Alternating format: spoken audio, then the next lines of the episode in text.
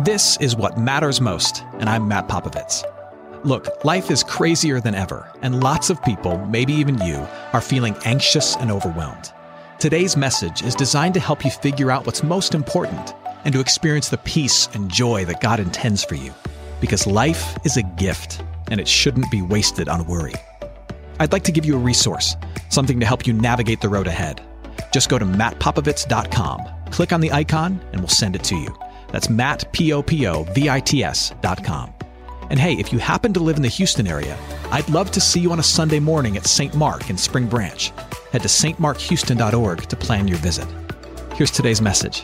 Thanks for listening.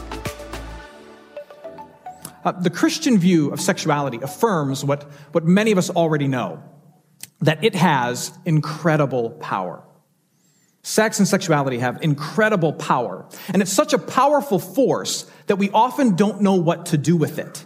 We often don't know what to do with it. And so we tend to respond to its power on a spectrum, a spectrum that goes from crazed to cautious. Uh, the cautious person will say, look, um, there's a lot of baggage and a lot of weirdness that comes with sexuality, so let's, let's try and have relationships with as little of that baggage and as little of that sexuality stuff as possible.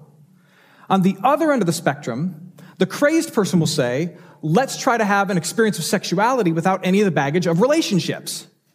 One person is underestimating how intoxicating and addictive it is. The other person is underestimating how necessary and how beautiful it is. But on that spectrum, both are making the same mistake, whether you're crazed or whether you're overly cautious. And that mistake is a refusal to respect and recognize its power. One refuses to respect its power by obsessing over it.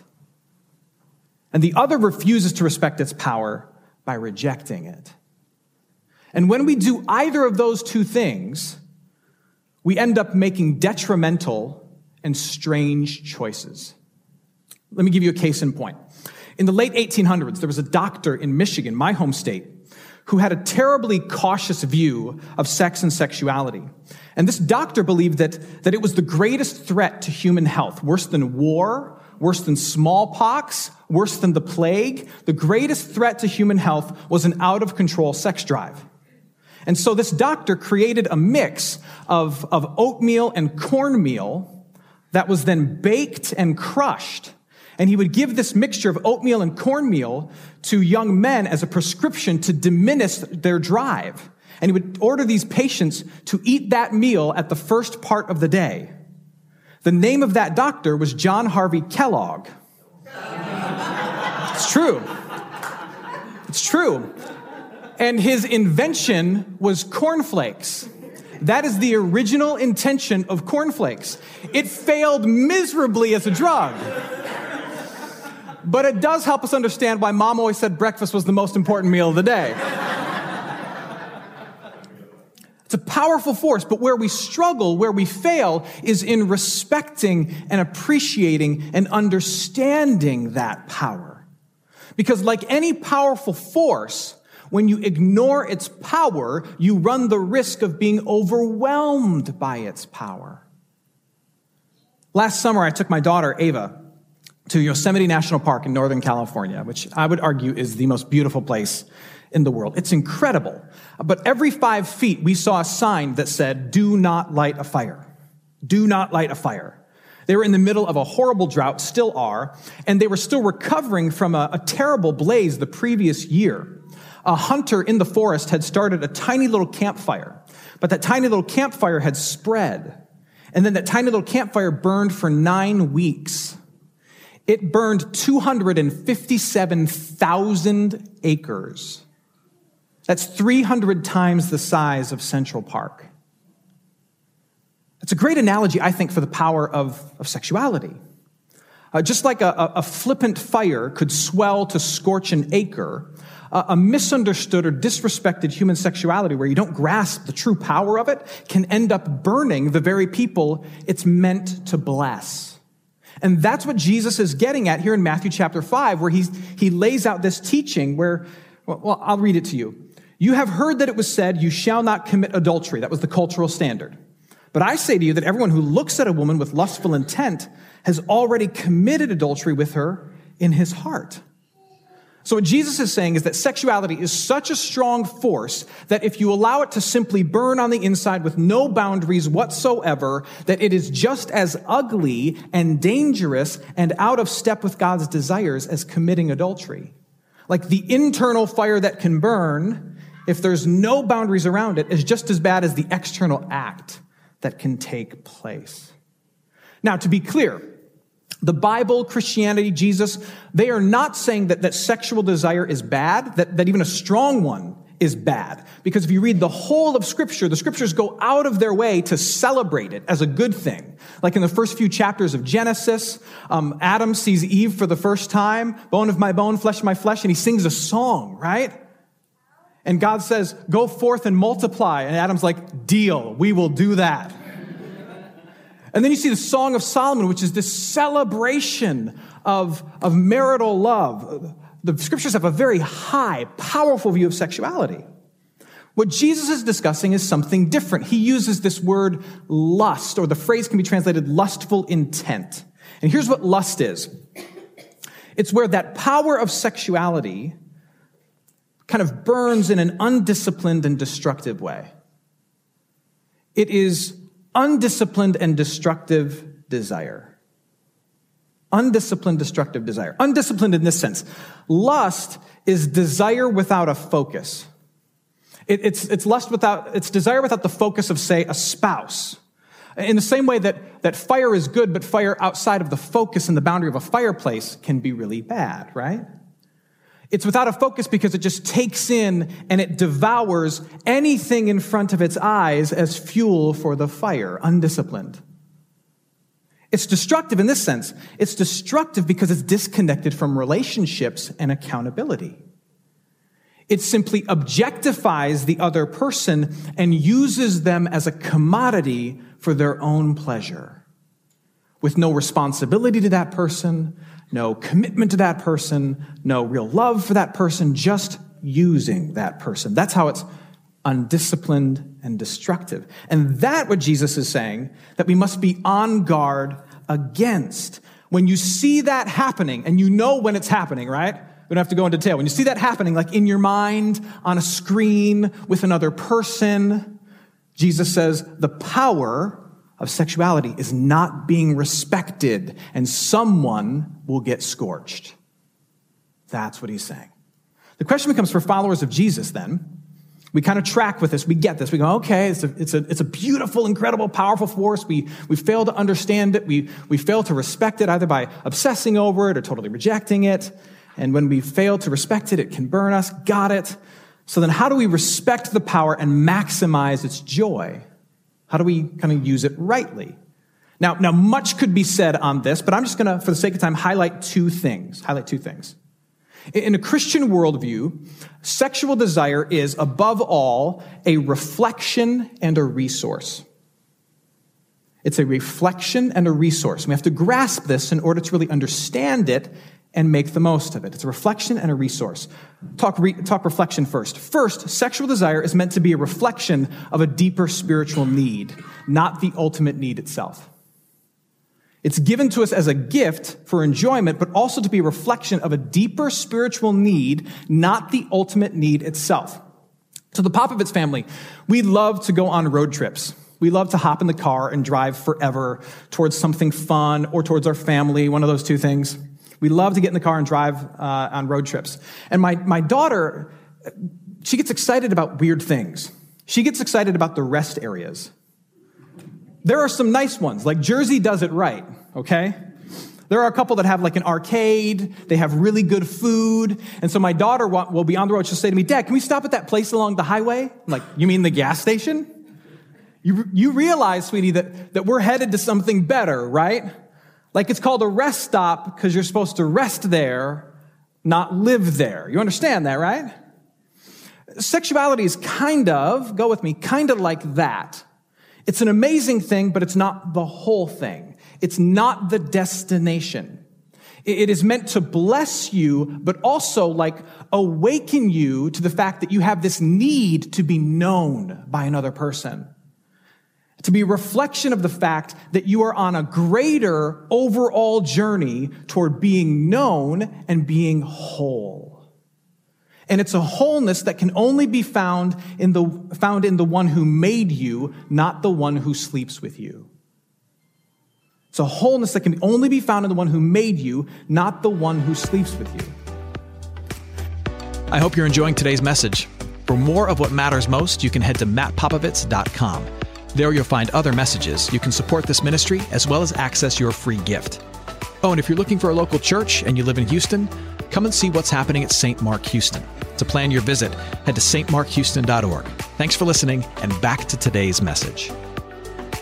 Uh, if you read this verse, uh, maybe you wonder why it is that Jesus talks about hell in this passage. Can be very difficult to grasp. He talks about hell. He says, "Cut out your eyes. Rather, it's better to go through the world, go through life without an eye, rather than be thrown into hell." This seems excessive, right? The word that Jesus uses for hell there is Gehenna. Now, Gehenna was uh, the name of a garbage dump outside of Jerusalem, where the people of the city burned their trash. And Gehenna became a cultural synonym for hell. became a kind of an interchangeable idea. Um, it became a synonym for being disconnected from God because it was outside of the city, uh, a synonym for something that's decaying and dying because it was full of garbage, and a synonym for being consumed by destructive powers because it was always on fire. So what Jesus is saying is this, look, if you let this gift of God become your God, Gehenna can happen to you. If you think this gift, the feel of it, the thrill of it, the connection within it is the destination, then it will distract you, it will devour you, and in the end, it will fail to deliver for you because it's meant to be a reflection of your need for wholeness, not the source of all your wholeness. Are you following with me? Meant to be a reflection. And so this is, for Christians, this is where the work of Jesus Christ takes center stage. We mentioned earlier that it's Palm Sunday, and we commemorate Jesus' ride into Jerusalem as our saving king who's ready to set us free through dying on the cross and rising three days later. But scripture paints uh, an even bigger picture of who Jesus is. That Jesus is not just our saving king, but he is also our betrothed or engaged king. Maybe you've never heard this before, but the church, the collection of Christians throughout space and time, is often referred to as the bride of Christ. This is why in books like Ephesians chapter 5 in the New Testament, you get language like this. Jesus forgives our sins so that he might present the church to himself in splendor without spot or wrinkle or any such thing. That's wedding language. That's bridal language. The church, the people of God, through the forgiveness of the cross, are made beautiful like a, like a bride dressed in white on her wedding day.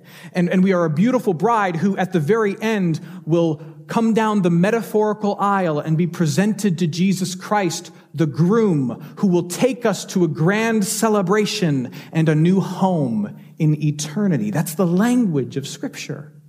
So, from Scripture's perspective, everything that marriage, everything that sexual intimacy hint at in this world are fulfilled in Jesus Christ.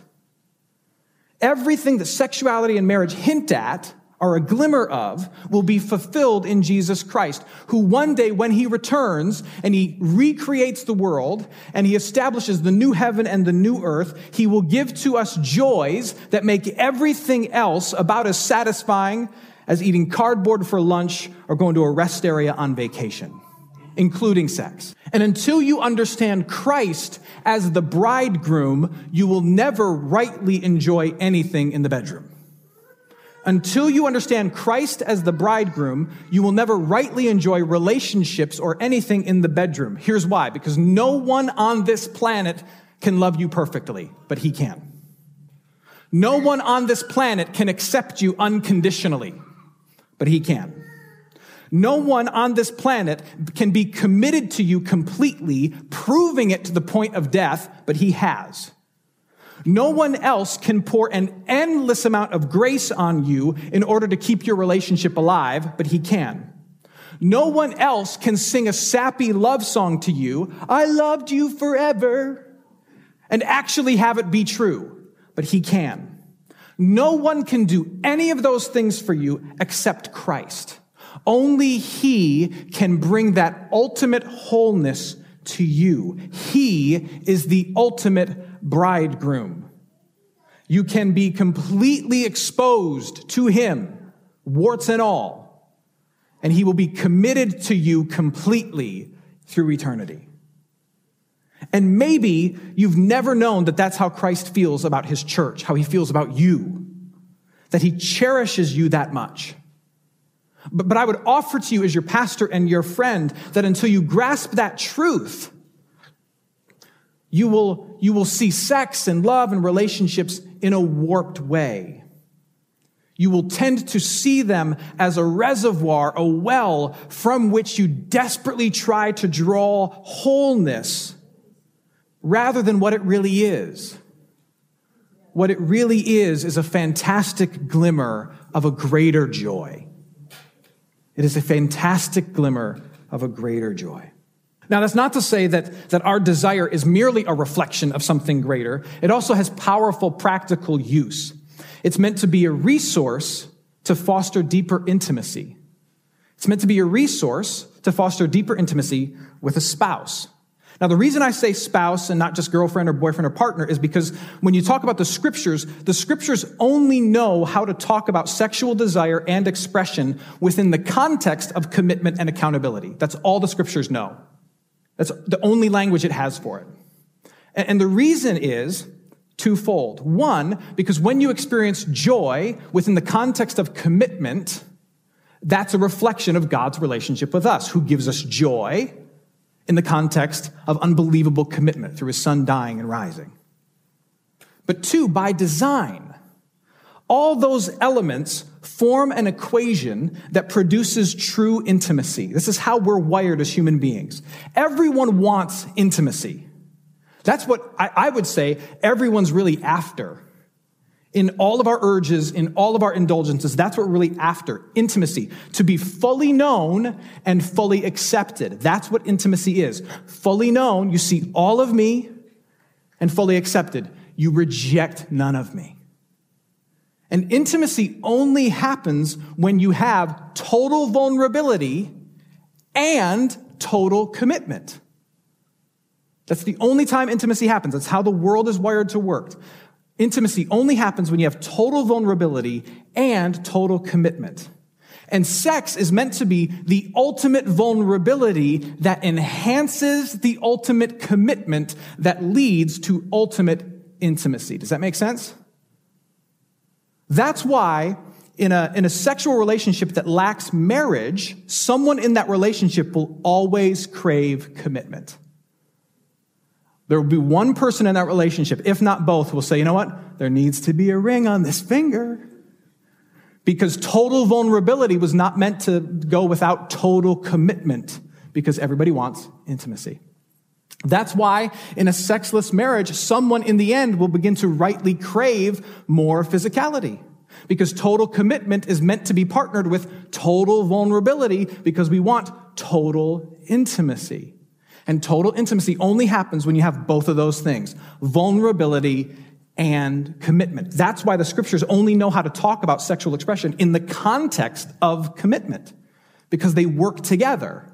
And when you divorce those two things, that's often when the things that Jesus is urging us against, those things tend to emerge, like lust emerges as you dive deeper into your urges to compensate, say, for a lack of commitment. Or you wander from your commitment to compensate for a lack of vulnerability. Because we all want intimacy. And so, to kind of use this thing rightly, we are blessed and we recognize that they go together. So, so now, what are we supposed to do? Really, really practical level. We've kind of got a philosophical overview of this topic. The question people often ask me, like in a counseling setting, all right, but how do I deal with the reality of lust in my life? And I would say to you that Jesus' words about gouging out eyes and cutting off your hands is actually very helpful. For real. Um, not, he's not being literal. When you understand that, it goes from scary to helpful, okay? Listen again to these words. If your right eye causes you to sin, tear it out and throw it away. For it's better that you lose one of your members than your whole body be thrown into Gehenna, into hell.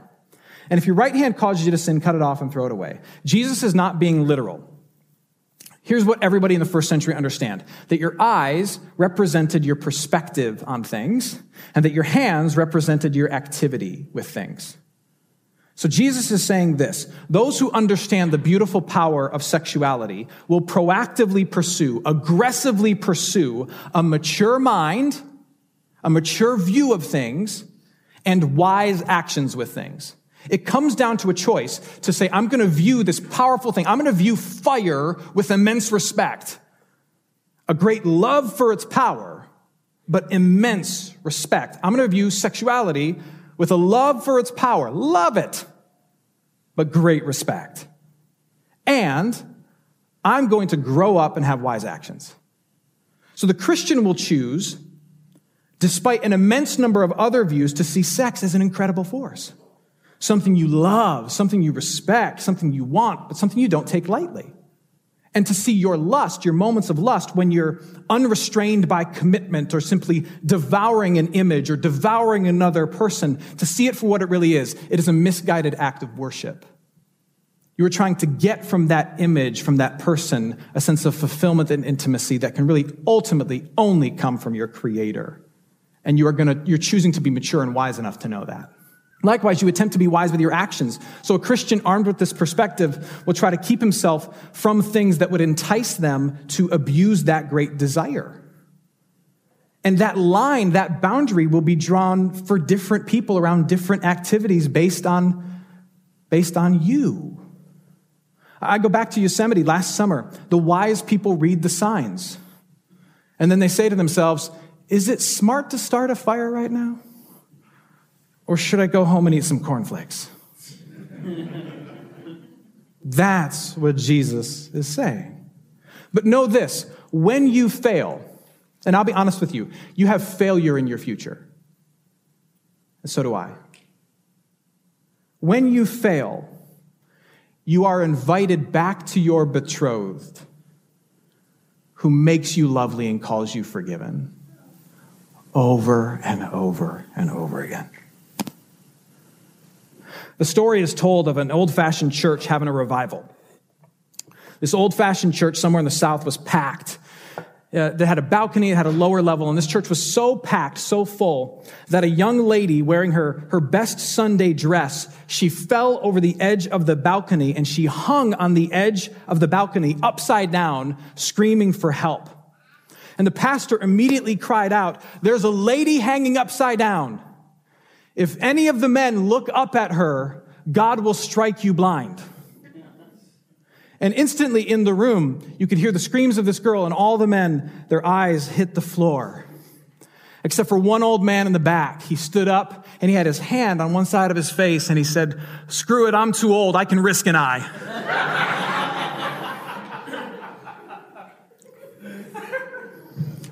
that doesn't have anything to do with our topic. I just find it funny.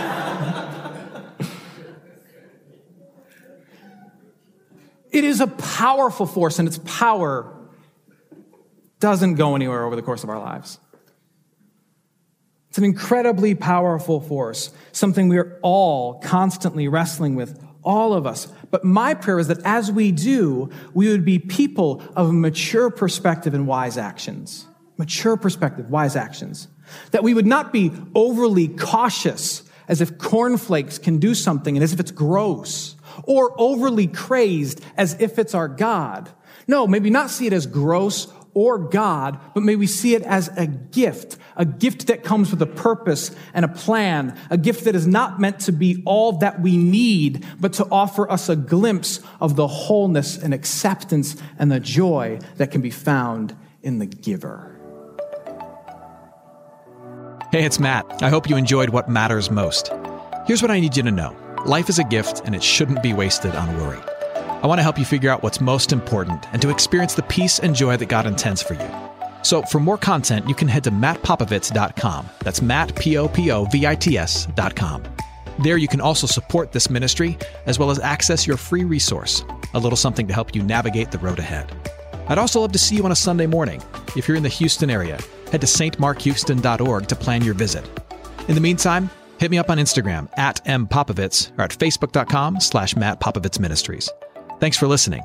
Now go and hold tight to what matters most.